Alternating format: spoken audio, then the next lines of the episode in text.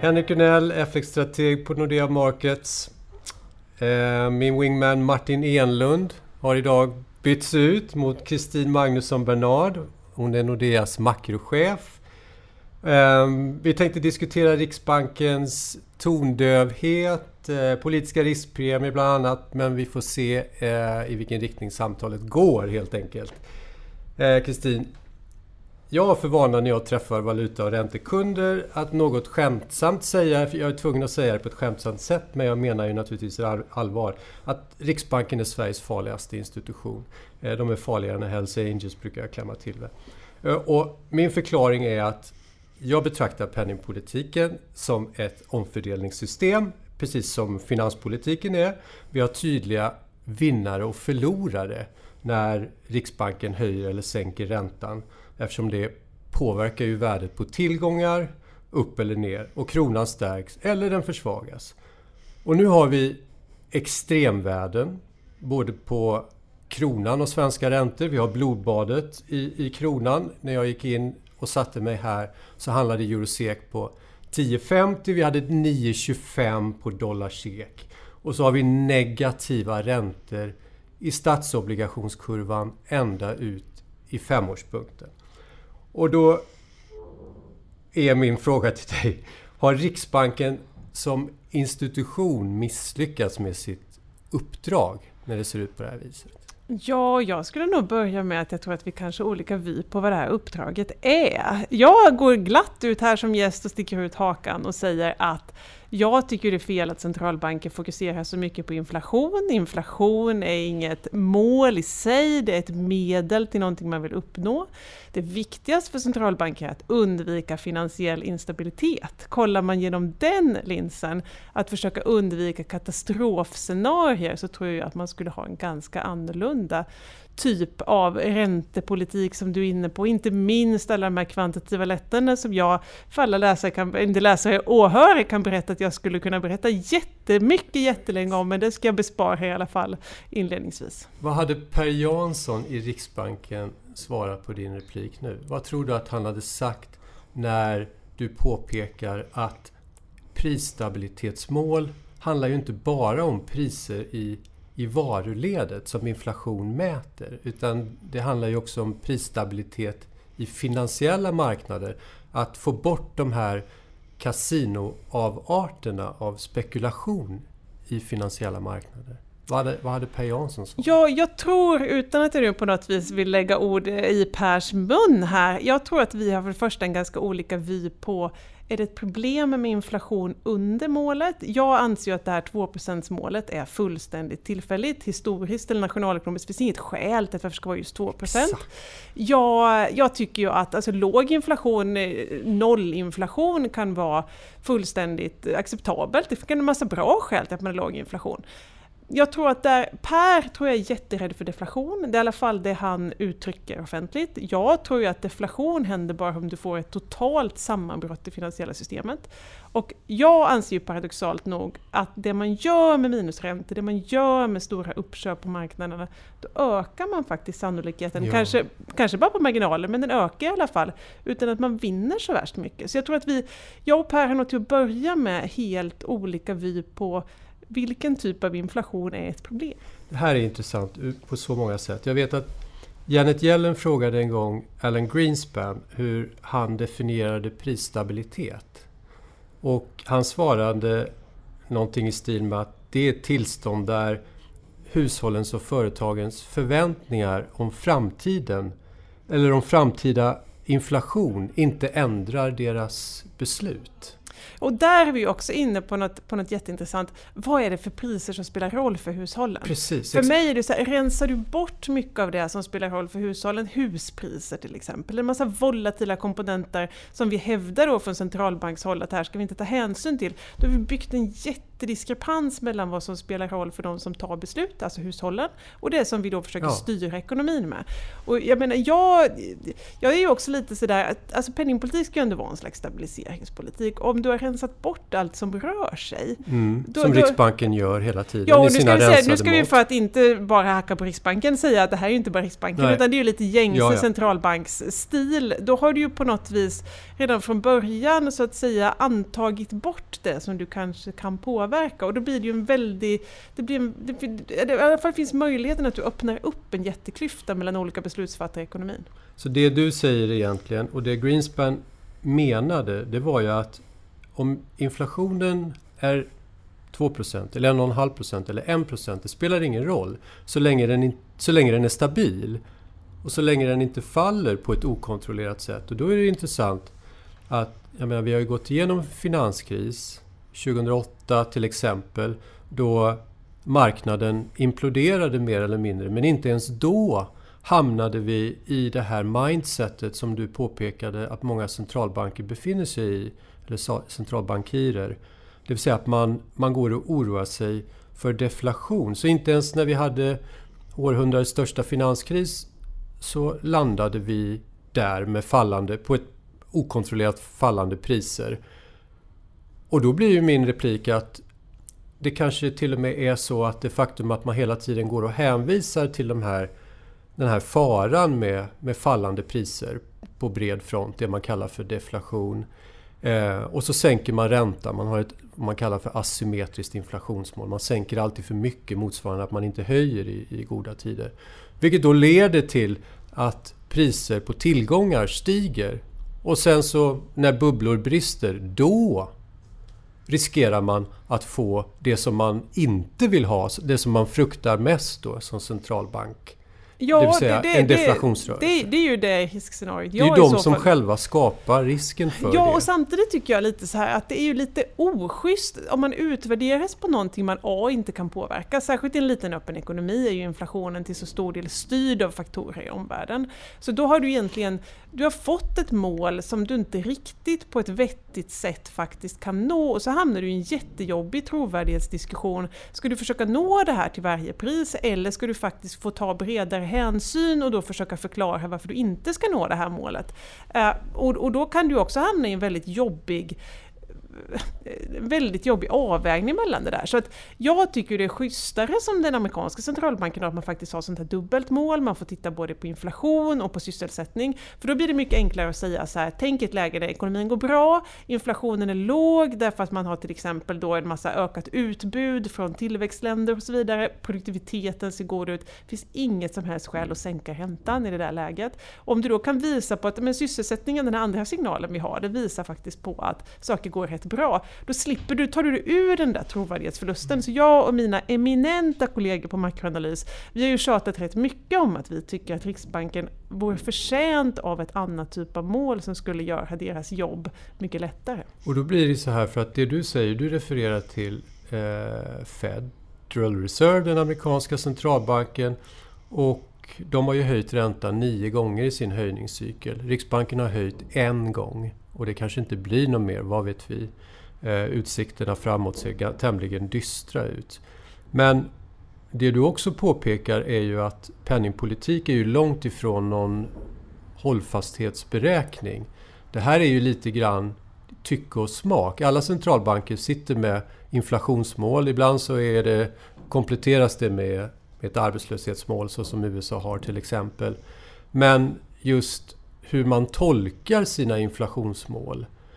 Och det är det jag menar, att hur kommer det sig att Riksbanken tolkar sitt mål eh, så slaviskt jämfört med till exempel Norges Bank, kanske också Bank of England, men, även, men framförallt Federal Reserve. Ja, där skulle man nog få ägna sig åt djup riksbankskremlologi. Beror det på person? Jag tror att mycket centralbanksbeslut, det är oftast ganska personberoende verksamheter, så det har säkert med det att göra. Men det andra som jag inte förstår, jag har ju tillbringat ganska många år utanför Sverige och då är det ganska bra att komma tillbaks för att eh, jag har fått lära mig så otroligt mycket saker som det har varit lite svårt att förstå ibland. Vi måste ju ändå, nu vi ändå pratat om Per Jansson, också prata om svensk lönebildning. Och det är klart att i, det är två saker som är typiskt för Sverige, det är en liten öppen ekonomi, inflationen styrs av internationella faktorer och så är det så att vi har långa lönebildningstider genom industriavtalen som sen då fungerar som märke för andra sektorer. Och det här känner att Sverige är bra på jättemånga sätt men det gör förstås att lönerna blir ju mindre cykliska än vad de skulle bli i många mm. andra ställen. Så det gör att den där kopplingen till, från lön till inflation den finns inte riktigt på samma sätt. Och det gör det ju dubbelt svårt att ha ett inflationsmål som man följer så strikt, för det tycker jag igen då inte riktigt blir schysst. Och det där att inte riktigt anpassa sig, det är ju lite det du var inne på, det är lite sunt förnuft någonstans. Man måste ju laga efter läge och har man en speciell setup i sin ekonomi så ska man ju se till att ha politik som, som passar den. Det är ju samma, nej men allt annat, väljer du flytande växelkurs, ska du, hur, mycket, hur mycket kan du brassa på med finanspolitiken? Allt det där utgår ju från dina egna förutsättningar. Och där förstår jag faktiskt inte hur man har kunnat välja en setup som jag har svårt att förstå hur den funkar så bra det verkar faktiskt funka särskilt dåligt för Sverige. Och det, och det är lite grann så att, eh, som jag upplever det, att Klas Eklunds bok Min ekonomi, den gäller ju inte för någonting längre. Allt som står där kan du mer eller mindre... Hur många är vi inte som har valt att bli nationalekonomer på grund av min ekonomi? Ja, ja precis. Klas Eklund, vilken men, hjälte! Men de ekonomiska sambanden som står där, de, de har ju vi stämt av lite grann mot verkligheten, i synnerhet under finanskrisen. Och många av dem tål ju inte ljuset från verkligheten på något sätt. Och, mm. och jag menar inflationsmålet är ju mellan 20-30 år gammalt. Och det, då hade vi en helt annan produktionsstruktur globalt sett. Och det är precis som du säger att numera importerar vi billiga varor från Kina. Det finns ju ingenting som penningpolitiken kan göra åt det. Nej, men om vi går tillbaka, för jag, jag, jag känner ändå att jag tror att Claes håller här. Och, ja. och vad, vad Claes försökte säga, för att när vi tänker på varför valde vi att ha inflationsmål, då var det ju för att få ner hög inflation. Mm. Det var ju inte någon som hade en tanke på att det här var för att försöka tvinga upp inflationen till varje pris. Så snarare tror jag att det är lite så att vi kanske får gå lite back to basics och fundera på varför satte vi det här på plats om nu inte det hotet finns längre, utan nu är det helt andra typer av hot, kanske finansiell instabilitet till exempel. Hur anpassar vi oss till det? Så att där tycker jag nog snarare att det gäller att så här, hela tiden, vad var det vi försökte uppnå och inte att stirra oss blinda på formerna för vi valde att göra det här. Och där tycker jag nog att vi kanske har hamnat i väl, lite väl mycket formdiskussioner. Precis, och, och det hade väl varit, den diskussionen hade väl kunnat finnas om vi inte hade fått så extrema värden utifrån det som centralbankerna gör. Jag menar om allting bara hade tuffat på. Vi hade inte haft minusräntor. Vi hade inte gjort slarvsylta av kronan på det sättet som Riksbanken har gjort. Vi hade inte haft en potentiell husbubbla i Sverige och eh, ett, ett sånt risktagande hos hushållen via finansiella excesser. Eh, då hade det varit en, en, diskussion som man hade kunnat ha. Men när konsekvenserna har blivit så stora, var finns vad gör vi för att backa bandet här, härifrån? Går det ens? Vi sitter med, kanske med systemrisken i knät och det är ingenting som vi kan göra åt.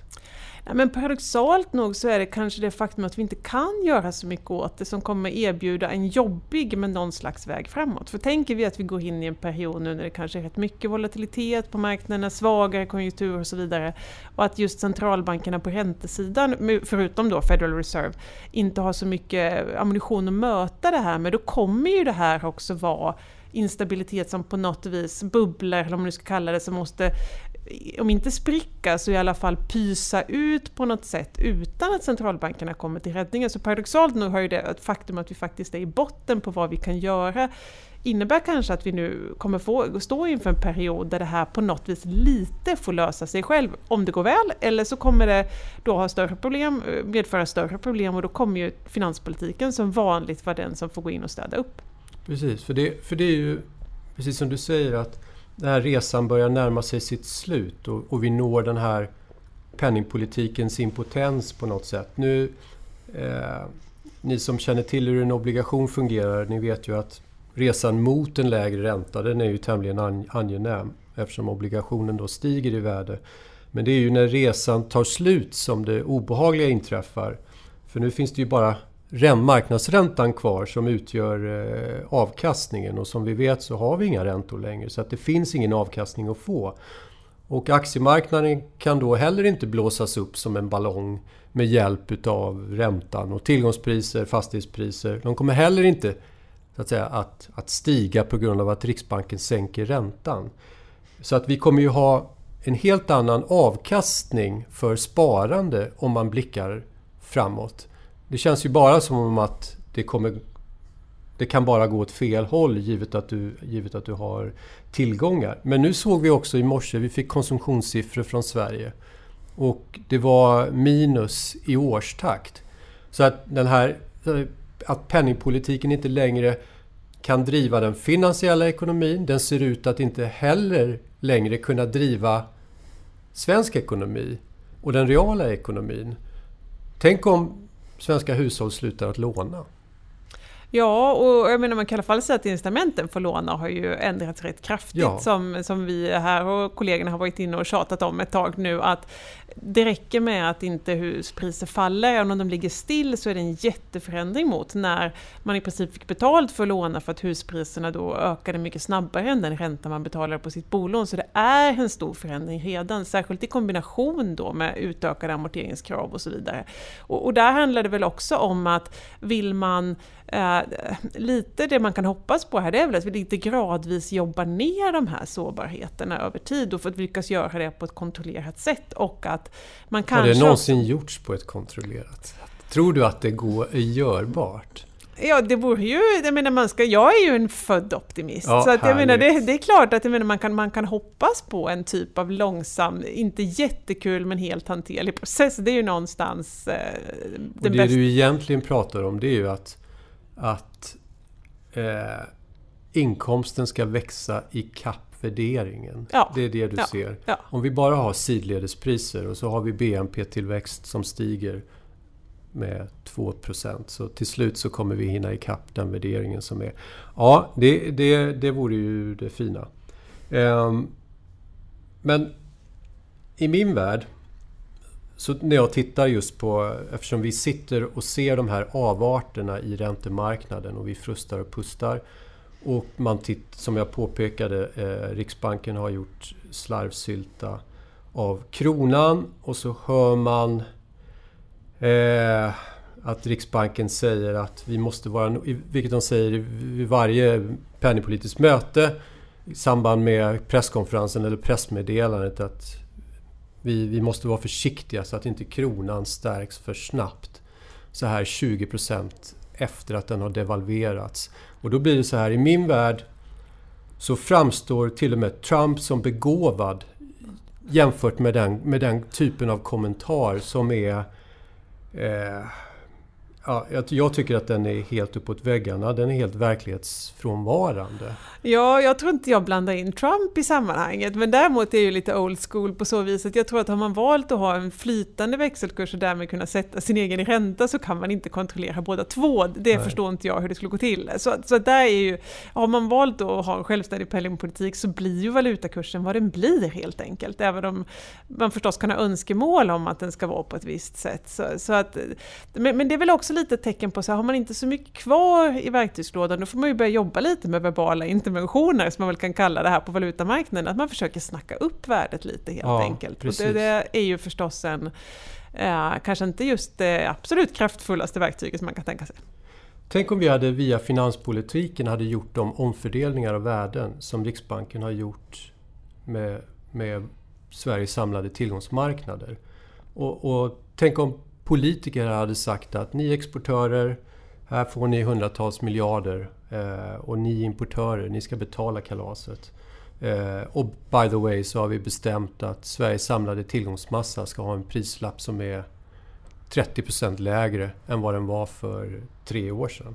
Är det så att folk förstår inte den penningpolitiska omfördelningsmekanismen men man hade ju absolut begripit hade det här tagits på ett annat sätt. Är det därför man kommer undan med det? Är det därför det inte finns någon debatt överhuvudtaget i Sverige? För i min värld så är det så här att jag förstår inte ens varför vi pratar om Trump eller Brexit eller om Bromma flygplats vara eller icke vara. Det här borde vara... Det borde skrivas böcker om det här, spaltmeter om det här kanske vi borde göra härnäst. Ja. ja nej, nej, men, nej, men jag, jag, alltså jag tror att den här grundläggande, vi har ju haft en filosofi när vi flyttar all risk egentligen till privata sektorns balansräkning från den offentliga sektorns. Jag tycker ju personligen inte det är rätt väg att gå. Jag tror att, och det här betyder, handlar inte om att man bara ska brassa på med en massa finanspolitik på ett okontrollerat sätt, men det finns risker som är bättre att hantera gemensamt. Eh, och i alla fall på ett sätt som man kanske förhoppningsvis får något produktivt av det hela. Jag menar, vi kan diskutera hur mycket man får på en höghastighetsjärnväg eh, eller en utbildning etc. Men det är nog sannolikt bättre för ekonomin än att du bara lånar, belånar upp en existerande tillgång som är det vi har gjort. Så det är klart att vi har fått en väldigt, väldigt olycklig mix av grejer och att vi kanske inte har riktigt haft en debatt kring vad det här egentligen handlar om. Men igen, om man fokuserar så hårt på någonting som är ett, ett, ett någon slags slutgiltigt symptom på någonting, inflation, istället för att diskutera varför vi överhuvudtaget, varför mm. bryr vi oss om den här siffran? Då är det ju lätt att hamna lite snett. Precis, det, och det intelligenta samtalet kring det, har, enligt min mening, har, finns inte ens hos Riksbanken. Men okej, okay, vi avslutar Riksbanken där. Bara lite kort kring politiska riskpremier som är tillbaka på agendan. Jag skulle vilja säga att ända sedan muren föll så har vi inte pratat om politiska riskpremier. Men i och med Trump, Brexit och allting som har hänt därefter så är det helt plötsligt tillbaka på agendan. Var ser vi avtrycken av politiska riskpremier i dagens Europa om man tittar i makrostatistiken? Ja, det är en bra fråga. Det, italiensk BNP? Ja, italiensk BNP. Men är det så mycket politiska riskpremier där ändå eller är det mer en ekonomi som inte riktigt tuffar på som den ska av en massa strukturella skäl. Det, sen undrar jag, här bollar jag tillbaks den här frågan, tycker du att politiska riskpremier är någonting dåligt i sig? Nej, det tycker jag definitivt inte. Eh, det är, men det är någonting som, jag menar, hela den här det narrativet kring globaliseringen och vad ska man säga, den här kapitalismen på steroider har ju på något sätt utplånat den här diskussionen. Mm. Och i och med att hela Europa gick med i EMU eh, för, för 20 år sedan, ja då försvann ju också de så att säga, riskpremierna. Italien hade lånat och Spanien och Portugal, alla de här länderna som hade haft en finansieringsränta upp i taket. De tog, risk, eller tog rygg på den tyska kreditvärdigheten och samtidigt som det här ägde rum så, så accelererade egentligen globaliseringen. Och helt plötsligt så flödade varor och kapital fritt på ett sätt som vi sällan har skådat. Och det här byggde ju också vinnare och förlorare. Och den politiska revolutionen och polariseringen som vi ser nu är ju faktiskt en protest mot att kolla här, det var några av oss som inte fick ta del mm. av den här ja, kakan. Mm. Så att nej, jag tycker att den här revolutionen på så vis är bra. Mm. Eh, eh, och det man kallar för populism, därför att de väcker en fråga. För till och med med etablerade partier så har vi gått in i väggen kom ihåg det att det, det, är faktiskt de etablerade partierna i, och, och policymakers som har lett oss till det här. Ja men det är samtidigt något så paradoxalt du är inne på, för du beskriver de här proteströrelserna och samtidigt tittar vi bara då på spreadar mellan olika euroländer ja. så tycker jag att de fortfarande är för ihop pressade jämfört ja. med hur, hur, hur fundamenta ser ut någonstans. Att, och, det är också och skälet till det är ju naturligtvis ECB. Exakt. Och jag tror att det kanske att det kan vara ganska sunt med att ha en, en, en, en räntemarknad där risken syns ganska tydligt. På den, det var ju, det är ju länge sedan nu, men det var väl en av Clintons kampanjchefer som sa att han ville komma tillbaka som räntemarknaden för då kan man skrämma vem som helst. Mm. Alltså jobbar man... Det är rätt bra att få ett litet mått på sin kreditvärdighet i realtid som ja. stat. Och det, det, har vi ju satt ur spel. Och det är egentligen för mig det viktigaste nästa räntemarknaden ska hålla på med. Jag håller fullständigt med. Därför att all centralbankspolitik hittills har ju gått ut på att kväva volatilitet. Om du bara sänker räntor tillräckligt mycket och eldar på med QE så, så kommer vi inte ha några riskpremier. Och det är precis som du säger, en marknad som lämnas i fred, en avkastningskurva som inte är sönderintervenerad, den säger ju en massa smarta saker om just tillväxt och inflationsförväntningar och risker i framtiden. Eh, så jag håller helt och hållet med. Det är ju precis som du säger, vi har för lite riskpremier i kurvan. Men den tyska tioåringen tioåriga statsobligationen handlar på 10 punkter i dagsläget. Och ECB har en höjningsbias i sin penningpolitik. Marknaden ger ju fingret till, till ECB i princip och säger att ni kommer aldrig någonsin realisera det ni har tänkt er. Ja, det, det, det har jag, särskilt om man tittar på eurodatan kommer in så är det lätt att förstå varför marknaden ja. gör den bedömningen. Nu tror jag att det finns ett par centralbankirer runt om i världen som bara så gärna vill komma ut, ut ur sin minusränta nästan till vilket pris som helst. Och det är ju att jag har mer sympati för de här som säger att ja, men det finns inga skäl till de här höjningarna, men man kommer se en höjning eller två bara så man tar sig till noll för att det är så jobbigt att behöva svara på frågor just kring eh, minusräntan, som ju är väldigt kritiserad. Här kan vi dock ha ett litet, litet litteraturtips. Eh, Internationella valutafonden, min tidigare arbetsgivare, kom ut med en mycket vad ska vi säga, kreativ analys i veckan. Där de hävdar att man kan köra kraftigt negativa räntor genom att ha parallella prissystem i e-valuta och cash.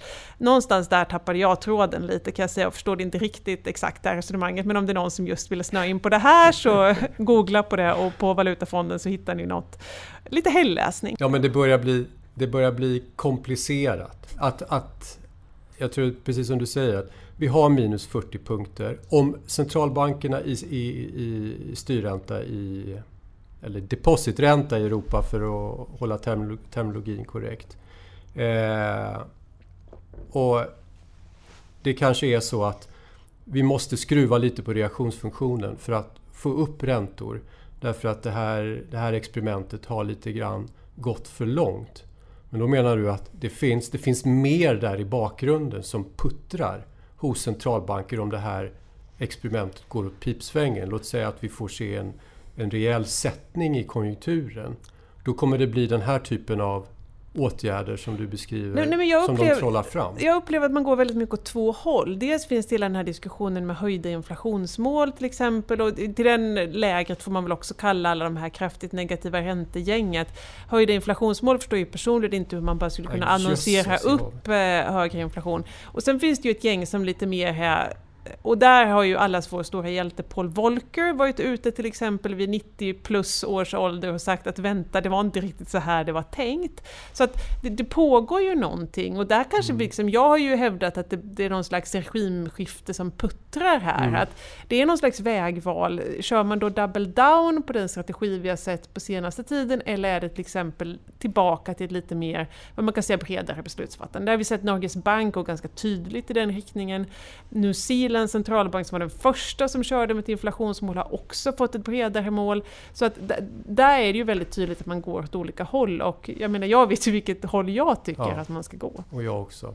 Eh, vi avslutar där. Tack för att ni har lyssnat. Vi ses nästa gång. Tack.